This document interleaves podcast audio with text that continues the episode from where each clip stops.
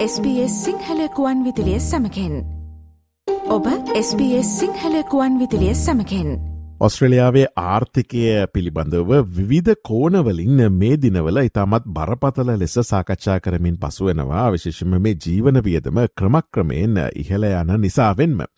මෙතනදී ඔස්ට්‍රලයාාවේ නිවාස වෙලත පොල පිළිබඳවත් කතාබහ කළ යුතුමයි ඒ අතරතුරේදී මේ පොලි අනුපාතික සම්බන්ධයනුත් කතාබහ කළ යුතුමයි මොකද පොලි අනුපාතික සහ මේ නිවාස ණය කියන්නේ ගහට පොත්ත වගේ එකට බැඳිලා තියෙන නිසාවෙන්ම.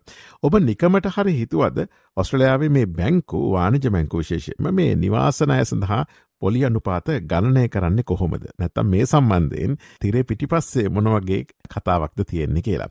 අපි පොඩ්ඩක් ඒ ගැන හොයල බලන්න හිතුව ස්බේස සිංහල ගොන්න දිලෙන් අපි මේ සාකච්ඡාවට කැඳවා ගත්තා ඔස්ට්‍රලයාාවේ හිටපු බැංකුඩෙලධාරියක ඒත් එකම මේ වන විට මෙල්බනුවර බලලත් නිවාසනය තැරවකරුවෙකු ලෙස කටයුතු කරන සමීර ප්‍රනාාන්දු මහතා. සමීර අයිබෝන් කියල පිළිගන්න අපේ ස්පේස සිංහල ගොන්නිදිලයට අයිබෝවන් මදුව. සමීර දැන් ඔස්ට්‍රේලියාවේ බැංකු මේ නිවාසනය සඳහා නැතම් මෝගේජ්ජක සඳහා මේ පොලි අනුපාත ගණනය කරන්නේ මොනාකාරයෙන්ද.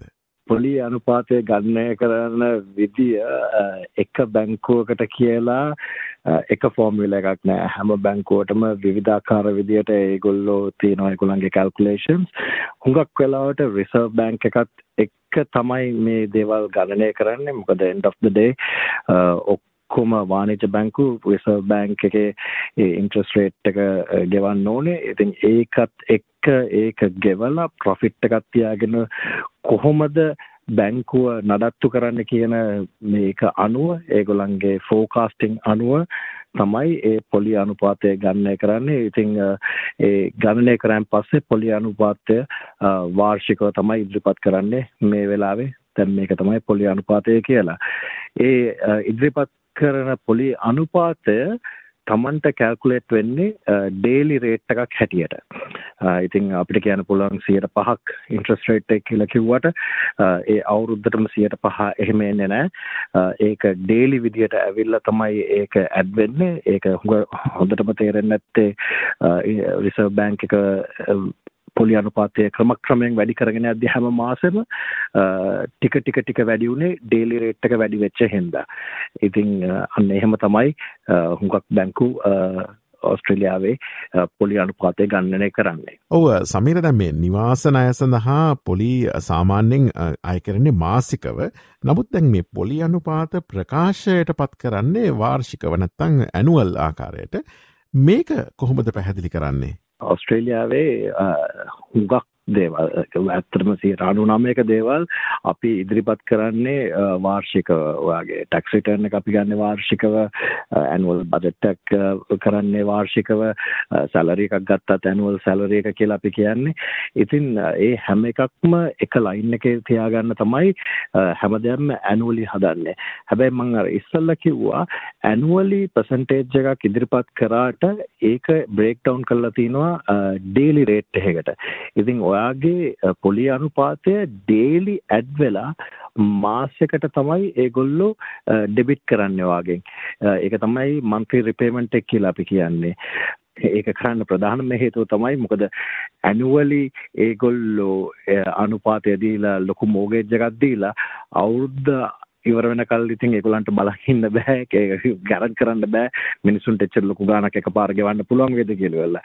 ඉතින් ඒකින්ද ඒගොල්ලෝ වීක්ලි ෆෝර්ට්නයිට්ලි ඕ මන්ත්ලි කියන ආකාරයට පුළුවන් තරම් ඉක්මනට පොලියයි කැපිටල් එකයි කොමින් හරි ගන්න තමයි බලන්නේ.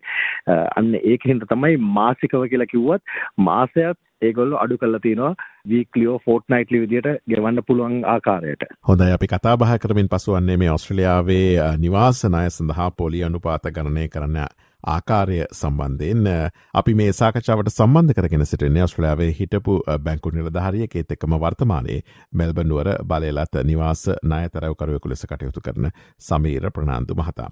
සමීර දැන් මේ වන විට ඔස්ට්‍රලයාාවේ පොලි අනුපාතකයත් එක්ක අපි සංසන්ධනය කල්ලා බලත්ති විශේෂෙන්ම ඔස්ට්‍රලයාාවේ ප්‍රධාන වාණජ බැංකුවල වර්තමාන පොලි අනුපාත මොනවගේ පරාසයකද පවතින්නේ. ඇත්තටම රිසර් බෑන්ක් එක කන්ටිනියස්ලි රේට් එක හෝල් කරගෙන ඉන්නවා මේ වෙලා වෙදි ඉතිං දැන් අපිට පේනවා වානිජ බැංකුත් ඒත් එක්කම ඒගොලන්ගේ රේට් ජස් කරගෙන තියෙනවා දැනට 5.74 6.74 කියන පරාසය ඇතුළත තමයි වැඩි හරියක් බැංකු ඒගොලන්ගේ හෝම් ලෝන් රේට්ස් ස්ට්‍රක්ෂ කරලා තියෙන්නේ. ඔවු දැන් මේ පොලි අනුපාතික එතකොට එතනින් ගහම නිවාසනය හෝ වෙනත් නායකති විශේෂයෙන්ම පාරිභෝගික නැත්තන් ගඩදුනකරුව බලන්නේ හැම වෙලේම මේ අඩු පොලි අනුපාතිකයකට තමන්ගේ ණය සකස් කරගන්න කොහොමද කියලා. දැන් අඩු පොලි අනුපාතයක් ලබා ගැනීමට පාරිභෝගිකයෙක් මොනවගේ දේවල්ද කරන්නට අවශ්‍ය. ඇත්තටම අඩු පොලි අනුපාතයක් ලබා ගැනීම වැදගත් ඒත් එක්කම වැදගත් කොහොමද බැංකුවට ඉන්ට්‍රස්ට් එක වැඩිපුර නොගෙව ඉන්න කියන එක. ඉතින් ඒකට හොඳම පුද්ගලයා තමයි ඔයාගේ මෝගේජ් බ්‍රෝකර්. එයාට කතා කරාන් පස්සේ එයාට පුළුවන් වෙන්න ඕනේ කොච්චරක් ඉන්ට්‍රස්ට් සේව් කරන්න පුළුවන්ද කියලා. මොකද දැන් මං කිව්වා පරාසය ඇවිල්ලා 5.74 ඉඳන් 6.74 වෙනකල් කියලා ඉවරලා. ඉතින් අර අඩුම රේට් එක බැලුවට කම්පැරිසන් රේට් එක ඒකේ ෆීස් ඇන්ඩ් චාර්ජස් ආවම සමහරලාට 6.74 කියන එකටත් වැඩි වෙන්න පුළුවන්. ඉතින් අපි ඒක හරියටම දන්නේ නැහැ. ඉතින් හැම වෙලෙම රේට් එක දිහා විතරක් බලලා බෑ. ඊට වඩා ලොකු බිග් පික්චර් එක බලන්න ඕනේ. ඒත් එක්කම හොඳම රේට්ස් දෙන්නේ ඕන් ඔකියුපයර් කෙනෙක්ට ඊළඟට LVR එක කියලා අපි කියනවා. ඒ කියන්නේ loan to value ratio එක. loan to value ratio එක percentage එක අඩු වෙන්න අඩු වෙන්න අඩු වෙන්න ඔයාට හම් වෙන ගන්න පුළුවන් interest rate එක වැඩි. ඒ කියන්නේ 90ක් තියෙන LVR එකට වඩා 140ක් තියෙන LVR එකට බැංකුව දෙන rate එක අඩුයි. ඒවත් එක්කම තව දැනගන්න ඕනේ කොහොමද අවුරුදු 30ක මෝගේජ් එක අවුරුදු 30ක් ගෙවුවොත් එකට එකක් ඉන්ට්‍රස්ට් එක ගෙවලා තියෙනවා බැංකුවට.